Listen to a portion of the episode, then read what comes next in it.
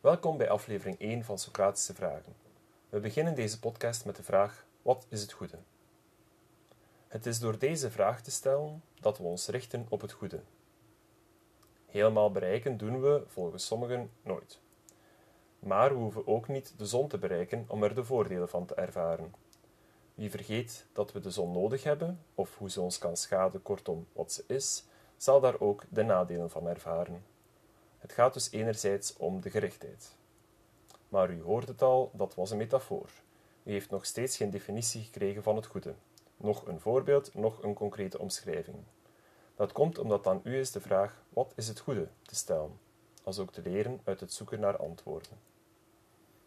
Plato, bij monden van Socrates, wil dat we een grondig onderzoek doen naar het goede.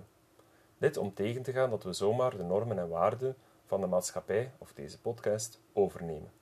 Meer nog, als we onze eigen normen wensen na te leven, dienen we ons ook af te vragen: leef ik die normen wel na?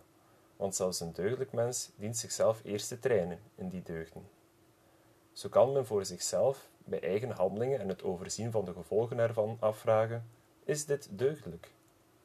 Deugdethiek stelt zich op haar beurt de vraag hoe te leven, en antwoordt met via het goede leven, voor wie snel een antwoord op die vraag wou. In de tijd van Socrates, Plato en Aristoteles verstond men onder deugd een voortreffelijkheid.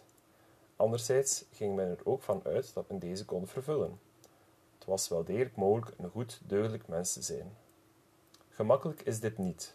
Zoals Baruch Spinoza later zal zeggen, het voortreffelijke is even zeldzaam als moeilijk.